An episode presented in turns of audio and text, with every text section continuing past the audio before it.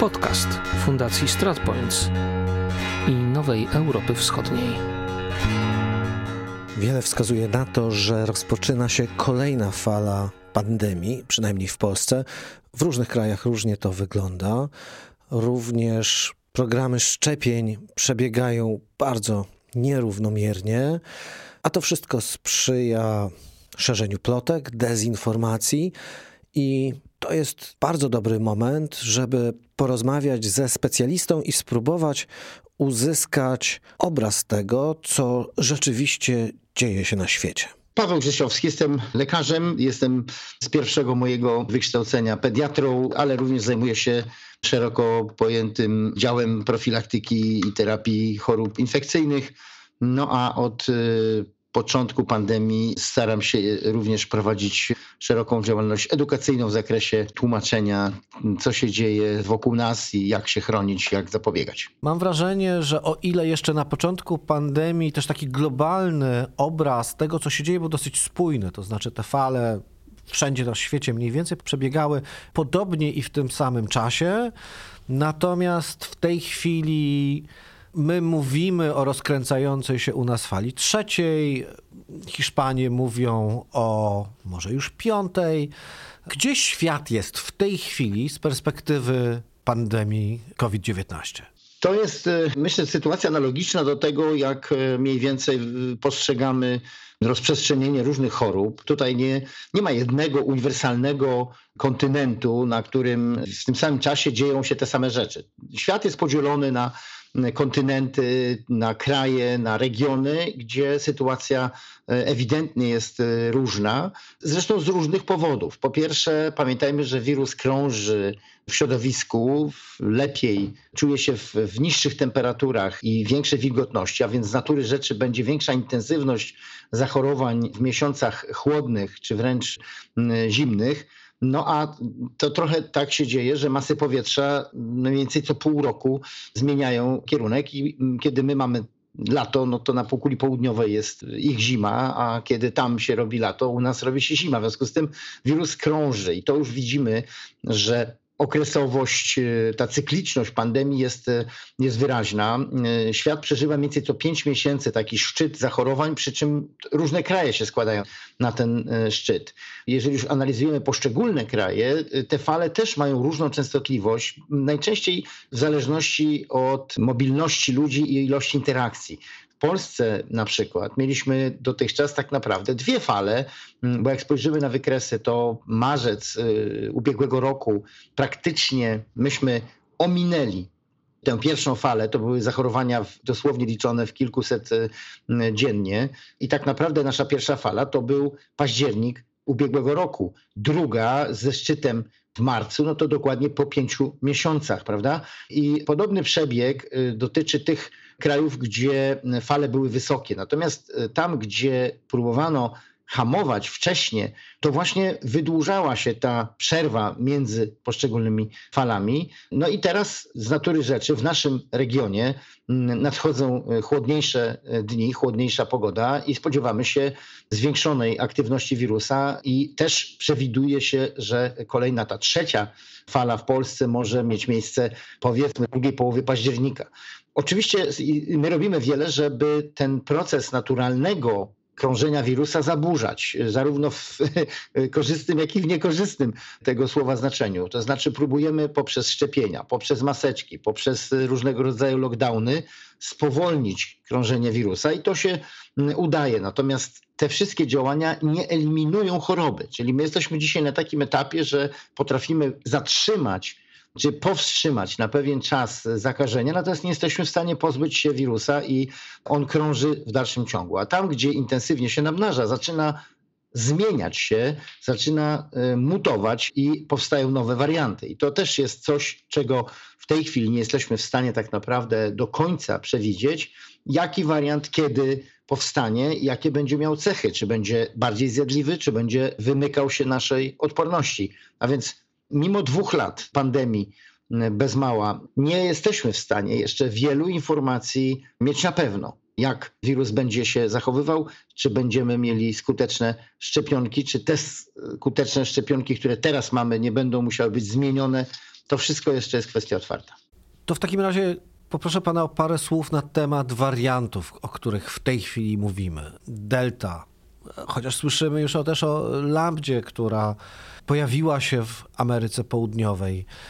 Jak bardzo ten wariant, z którym teraz się zaczynamy mierzyć w Polsce, różni się od tego, z czym mieliśmy do czynienia rok czy dwa lata temu, i jak bardzo powinny zmienić się nasze przyzwyczajenia i zachowania, bo obawiam się, że zmianą, którą obserwujemy, jest przyzwyczajenie się do sytuacji i przede wszystkim lekceważenie. Wiele wskazuje na to, że ludzkość przez y, wysokie tempo życia i, i wysokie oczekiwania też odzwyczaiła się od zagrożeń w rozumieniu takim, że ludzie chcieliby, tak jak trochę na filmie, że coś się zaczyna, jest jakiś przebieg i potem się kończy, prawda? Jest serial, który ma określoną ilość odcinków i to wszystko jakoś y, jest y, do ogarnięcia. Okazuje się, że pandemia nie należy do takich zjawisk że my musimy się przygotować na być może długi dystans obecności tego wirusa wśród nas.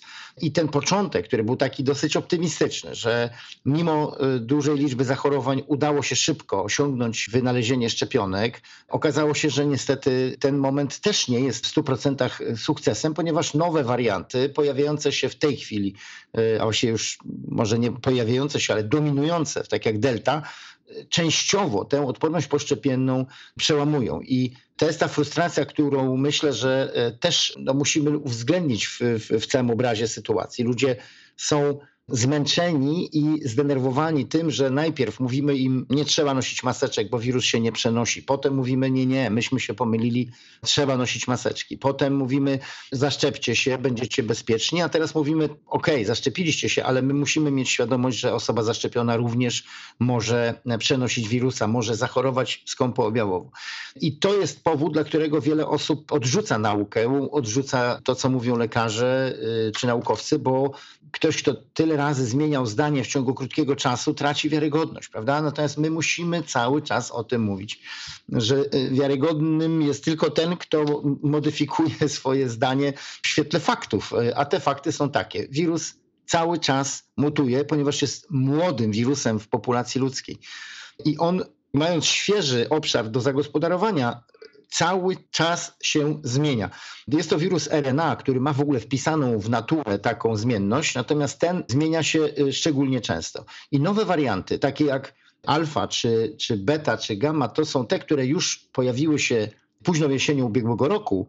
Delta pojawiła się z końcem roku w miejscach, gdzie jest duża intensywność mm, zakażeń, a potem w wyniku ruchów ludności te warianty są roznoszone po całym świecie. Wygrywa ten, który jest najbardziej zakaźny, który jest najszybszy w namnażaniu. I taki jest w tej chwili wariant Delta. On zakaża trzy razy bardziej niż wariant pierwotny, ten z Wuhan.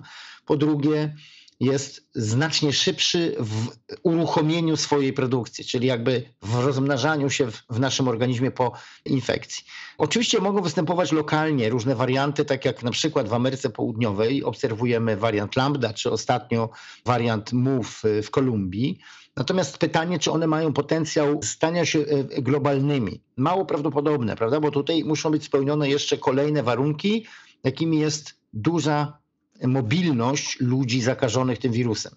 Jeżeli wariant Delta narodził się w Indiach, to sobie wyobrażamy, że ilość ludzi chorych na Deltę z Indii, jeżdżących po całym świecie, jest tak ogromna, że można tego wirusa rozpowszechnić do wielu krajów. Natomiast ilość ludzi, która podróżuje z Peru czy z Kolumbii do e, innych kontynentów, no myślę, że jest dużo mniejsza. Dlatego potencjał samego wirusa musi być jeszcze jakby pomnożony przez zdolność do przenoszenia tego wirusa do innych krajów. Podobnie mamy z wariantami w Afryce. Tam też e, obserwuje się w tej chwili taki jest wariant C1, który uważa się, że jest niebezpieczny, ale na razie występuje tylko w obrębie RPA i potencjał przeniesienia tego wirusa do innych kontynentów jest na razie przynajmniej e, niski. Ale my musimy się liczyć z tym, że w każdej chwili może powstać nowy wariant, na przykład w Europie, czyli zmutuje wariant Delta do nowego jakiegoś wariantu Delta Plus czy, czy innej literki i to będzie ten, który przejmie kontrolę nad y, kolejną falą. Wygląda na to, że, że te fale pandemiczne, tak jak na przykład w Polsce, każda z nich jest wywoływana przez inny wariant. Pierwsza przez wariant Wuhan, druga alfa, trzecia mm, teraz y, być może będzie wywołana przez wariant Delta. Powiedział pan, że ten wirus jest szczególnie niebezpieczny i łatwo mutuje, dlatego że jest młodym wirusem. Czy to znaczy, że tego rodzaju pandemie, patrząc historycznie, chociażby na Hiszpankę, czy to znaczy, że te pandemie z czasem mają tendencję do wygasania i jeżeli będziemy z nią jakoś sensownie walczyć, nie zlikwidujemy wirusa, ale on w sposób naturalny wyciszy się w jakiejś perspektywie? Tak, jest taka hipoteza, która mówi o tym, że za parę lat być może wirus stanie się wyłącznie wirusem dziecięcym, a więc łagodnym, tak jak pozostałe koronawirusy. Nie dlatego, że on nie będzie już atakował dorosłych, tylko że większość dorosłych będzie miała odporność po przechorowaniu lub po szczepieniu, lub po przechorowaniu i szczepieniu. Więc jest taka koncepcja, że jeżeli ten wariant kolejny, czy kolejny jeszcze następny, nie będzie zupełnie nowym w rozumieniu y, naszego układu odporności, czyli że, że będzie dalej rozpoznawany przez naszą pamięć immunologiczną, no to jest duża szansa, że pandemia sama wygaśnie. Y, natomiast my nie mamy takiej pewności. I to, co między innymi dzieje się z grypą, prawda? Grypa co roku daje nam nowe podtypy, które krążą i dlatego musimy często zmieniać szczepionkę, żeby nadążyć za zmieniającymi się typami wirusa. Jest tak dużo typów tak dużo kombinacji podtypów wirusa grypy, że my musimy jakby gonić zmieniającą się strukturę wirusa szczepionkami. Gdyby tak się stało z koronawirusem, to mamy poważny problem, bo, bo tu nie istnieje system, który by pozwolił nam na przewidywanie, który wariant będzie dominował. Jeszcze taki system nie istnieje. W grypie mamy taki system, który mówi, ponieważ e, zimą w Indiach dominował wariant powiedzmy H1N1, to my na tej podstawie szacujemy, że na półkuli północnej również ten wariant będzie dominował. Natomiast dla koronawirusa nie mamy jeszcze takich mm, mechanizmów, a więc tu musielibyśmy czekać, aż pojawi się nowy wariant. No a to jest dosyć krótki czas, kiedy on dominuje, prawda? Bo on, zobaczmy na deltę, która właśnie pojawiła się e, z końcem ubiegłego roku, a e, jest w tej chwili 8 miesięcy i właściwie ona zdominowała cały świat w tym czasie nie da się y, wytworzyć nowej szczepionki. To będzie zawsze spóźnione w stosunku do mm, krążenia. Natomiast można sobie wyobrazić taką sytuację, że jeśli wirus ustabilizuje się w jakiejś postaci, na przykład pozostaną jakieś trzy dominujące jego y, odmiany, to będziemy w stanie mówić o końcu pandemii. Patrząc na dwa lata walki z koronawirusem i na rozmaite metody, które w międzyczasie stosowano po to, by zakłócić jego naturalny cykl. Które uważa pan, że powinny być kontynuowane, a co tak naprawdę się nie sprawdziło? Żadna z tych koncepcji nie zwyciężyła, w tym sensie, że nie, nie dała skutecznego wygaszenia czy, czy pohamowania y, naturalnego krążenia wirusa. Oczywiście możemy pokazać kraje, którym się udało ograniczyć do minimum y, skutki pandemii, prawda? Wszystko zaczyna się od granic jeżeli w jakimś kraju nie ma zakażeń, to przecież one tam nie przylatują z y, wiatrem czy z ptakami, tylko są przenoszone przez ludzi. A więc jeżeli wprowadzimy szczelną ochronę granic, czyli kwarantanny na granicach, testy, paszporty covidowe, to jest duża szansa, że my spowolnimy krążenie wirusa międzykontynentalne i międzyregionalne. To jest bardzo ważna sprawa, bo każda pandemia zaczyna się od tego, że ktoś gdzieś przywozi wirusa i zaczyna się nowe ognisko, prawda? Jeżeli mamy świadomość, że w tej chwili na przykład w Polsce mamy 200-300 zakażeń, ale w Hiszpanii jest ich, nie wiem, 15 tysięcy, to ktoś, kto leci do Hiszpanii może tam się zarazić łatwiej niż w Polsce i wrócić jeszcze w cyklu zakaźnym do, do Polski i, i tak się to dzieje, prawda? Albo wyjeżdżając się zarazi tam i przywiezie tutaj ten element obrony granic, moim zdaniem, i to nie, nie, nie chodzi o, o zamknięcie granic, tylko chodzi o mądre kontrolowanie ludzi podróżujących, może bardzo dużo zmienić. Tu przykład Tajwanu, Nowej Zelandii.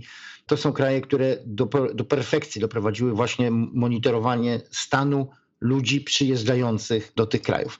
Druga sprawa to są maski, które oczywiście w mediach społecznościowych są przedmiotem ogromnej krytyki, różnych zarzutów, ale szczerze powiem, ja nie widzę innej możliwości chronienia siebie, jak oddychanie filtrowanym powietrzem. No, to zapewnia mi maska. W związku z tym, jeśli bym wyposażył w maski całe społeczeństwo i skutecznie te maski używał, to jesteśmy w stanie zredukować liczbę zachorowań do bardzo, bardzo niewielkiej liczby. Oczywiście mówię o masce medycznej filtrującej. Nie mówię o maseczkach typu przyłbica czy jakichś y, maseczkach bawełnianych.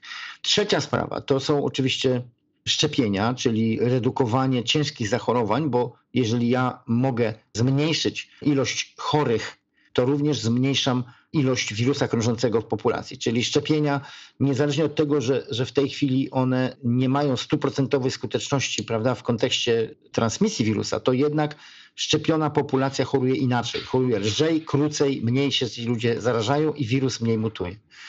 Kolejna sprawa to są testy mądre wykorzystanie testów, gdybyśmy byli w stanie na przykład technologicznie testować się codziennie, na przykład mielibyśmy taki test oddechowy, gdzie dmuchalibyśmy w rurkę i po minucie mielibyśmy wynik testu, mógłby spowodować, y, że ludzie zakażeni nie w ogóle nie, nie, występowaliby w populacji. Po prostu ktoś, kto robiłby sobie taki test w domu czy przed wejściem do pracy, od razu byłby odsyłany do izolatki czy do izolacji domowej i nie byłby wówczas obecny w grupie, nie zakażałby.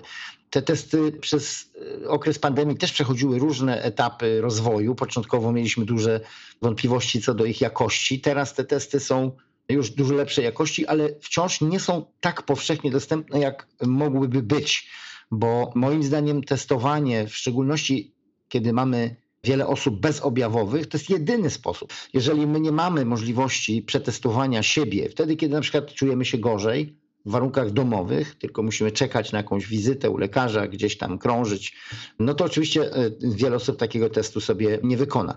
Oczywiście, żeby testować się powszechnie, trzeba też przygotować zaplecze, bo co zrobić z człowiekiem, który ma test dodatni? On musi wiedzieć, co ma dalej robić, gdzie się ma zgłosić, również nie może być karany za to, że ma ten test dodatni, czyli nie może ponosić żadnych kosztów tego, prawda? Kosztów kwarantanny czy kosztów izolacji. To wszystko powinno być tak zrobione, żeby ten człowiek chętnie poszedł na kwarantannę czy na izolację, czyli, czyli no, żeby na przykład nie miał strat w wynagrodzeniu.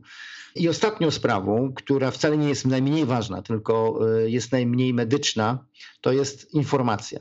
Ja chcę bardzo mocno tutaj podkreślić, że dezinformacja, że ta infodemia jest równie niebezpieczna jak, a może nawet bardziej niebezpieczna niż sama pandemia, dlatego że pojawiające się fałszywe informacje w internecie powodują wśród ludzi straszne czasami szkody. Znamy te przykłady, kiedy ludzie pili y, jakieś y, chemiczne składniki, nie wiem, perhydrol i tak dalej, które były rozpowszechniane w mediach społecznościowych jako panaceum na wirusa. Okazywało się, że to są po prostu trucizny i ludzie umierali.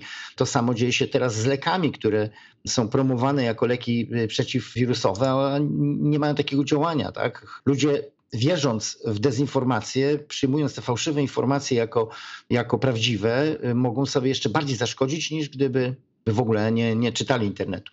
Czyli ta walka z dezinformacją, czyli przedstawianie faktów, wyjaśnianie ich, jest równie ważne jak te wszystkie cztery metody, o których mówiłem wcześniej, bo jeżeli my mamy skuteczne metody, a ludzie z nich nie korzystają, bo uwierzyli w jakieś fake newsy, no to to jest wielka porażka i to jest większa szkoda pokazująca nieskuteczność podejmowanych starań, mimo że, tak jak powiedziałem, mamy pewien arsenał środków, którymi możemy skutecznie spowolnić pandemię. Czy zdajemy egzamin z myślenia globalnego o zagrożeniu, jakim jest pandemia, nie tylko punktowo czy na poziomie kraju, ale właśnie na poziomie globu? No cóż, ja myślę sobie, że pandemia to jest taki ogromny test dla wielu różnych dziedzin. To jest test dla odporności medycyny, to jest test dla, naukowców, którzy muszą szybko reagować i szybko odkrywać nowe mm, środki, chociażby na wirusa, ale to jest także test tego myślenia globalnego, współpracy y, szeroko pojętej, odrzucenia takich indywidualnych czy, czy wręcz po, politycznych celów, bo tu niestety moim zdaniem pandemia to też bardzo mocno pokazała, że ludzie bez wyobraźni, ludzie bez wiedzy którzy mają władzę, są w stanie zrobić straszne rzeczy. I, I to, co działo się, czy nawet dzieje się w dalszym ciągu w niektórych krajach, gdzie się e, właściwie w tajemnicy utrzymuje liczbę rzeczywistych zachorowań, gdzie się robi mało testów, gdzie ludzie nie mają po prostu nawet świadomości, ilu ludzi zmarło na COVID, bo nie ma testów tak, przed śmiercią, więc oficjalne statystyki są puste. To to pokazuje, jaka straszna mm, stała się też rzecz. Medycyna, nauka stały się tak naprawdę zakładnikami celów y, politycznych. Nieudolne władze ukrywają rzeczywiste dane, co powoduje, że y, zagrożenie jest jeszcze większe, bo warto to powiedzieć, jeżeli gdziekolwiek na świecie będzie istnieć ognisko niewygaśnięte koronawirusa, to nikt nie może czuć się bezpiecznie, dlatego że ludzie dzisiaj podróżują na duże odległości w krótkim czasie, przenoszą się e, drogą lotniczą e, bardzo łatwo. W związku z tym, gdziekolwiek na świecie e, będzie ognisko nowego na przykład wariantu, no to my nie możemy spać spokojnie, bo zawsze będzie mógł on być rozwleczony. I tutaj pytanie, czy te mechanizmy, które w tej chwili mamy do, do dyspozycji, czyli to, że Światowa Organizacja Zdrowia jest jednak organizacją no powiedzmy sobie, bardzo działającą pokojowo, głównie działającą w zakresie organizacji pomocy najsłabszym i, y, i dystrybucji informacji. Czy to jest formacja, która może nam na dłuższą metę zapewnić bezpieczeństwo jako gatunkowi ludzkiemu. I moim zdaniem pandemia pokazała, że my potrzebujemy zupełnie innych mechanizmów, dużo bardziej wymuszających działania od poszczególnych rządów, że tutaj ta Współpraca to jest za mało. My potrzebujemy po prostu jednej wspólnej ścieżki postępowania, która nie będzie y, podporządkowana jakimś lokalnym y, celom politycznym, doraźnym, prawda, tylko będzie po prostu działaniem ogólnoświatowym, no niepodważalnym, tak? Znaczy takim, które nie będzie podważane przez, y, przez lokalnych przedstawicieli różnych, różnych władz. Myślę, że to jest ten, ten, ten moment, który, który pokazał, że ludzkość jest w tej chwili totalnie rozproszona i zagubiona w tej całej swojej indywidualizacji, przy czym niestety często cele tych działań wcale nie są czyste. To znaczy, ktoś, kto kwestionuje istnienie teraz na przykład pandemii czy sensowność noszenia maseczek, być może ma jakiś inny cel ukryty niż tylko rozprzestrzenienie wirusa. Czyli ludzkość nie zdaje szczególnie dobrze egzaminu pandemicznego.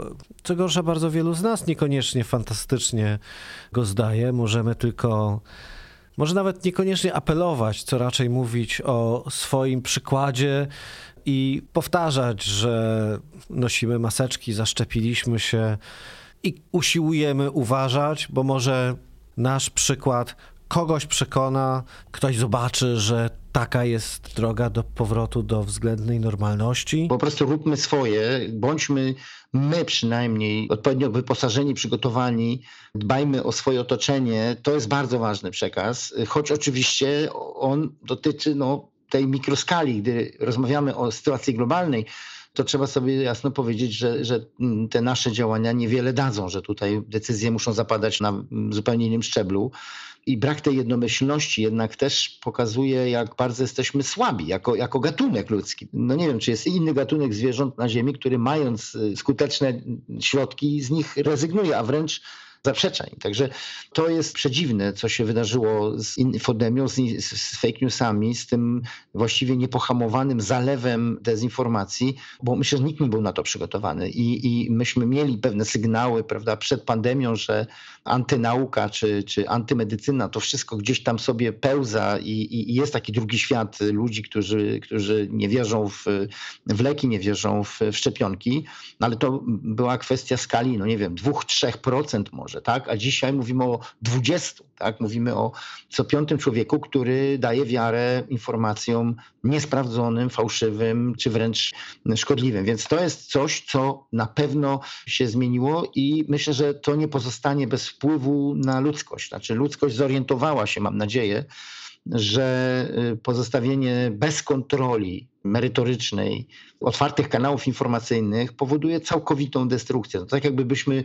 w mózgu otworzyli wszystkie nasze połączenia i pozwolili swobodnie przepływać informacji. No to po prostu nastąpi obłęd. I myślę, że to jest teraz taki moment. Ludzkość jest na granicy pewnego rodzaju obłędu, dając się y, pociągnąć w, w ewidentnie stronę y, różnych szkodliwych działań, czy zaprzeczaniu temu, że, że jest wirus, że jest choroba, że to są zjawiska naprawdę biologiczne, niebezpieczne. Także myślę, że jest tutaj wiele materiału dla y, myślicieli, dla ludzi, którzy zajmują procesami na, na, na skalę globalną, bo bo myśmy kompletnie, moim zdaniem, nie zdali egzaminu jako ludzkość. I to jest taki znak też niedobry, że w przypadku poważniejszych problemów, na przykład zmian klimatycznych, tak, my możemy też nie dać sobie rady i też pociągnie to za sobą dramatyczną redukcję liczebności ludzi na Ziemi. Dziękuję bardzo. Moim rozmówcą był dr Paweł Grzesiowski. Dziękuję bardzo. Podcast został sfinansowany z grantu przyznanego przez Departament Stanu USA. Opinie, stwierdzenia i wnioski zawarte w tym podcaście należą do jego autorów i nie muszą odzwierciedlać stanowiska Departamentu Stanu USA. To był podcast Fundacji StratPoints i Nowej Europy Wschodniej. Realizacja Free Range Productions.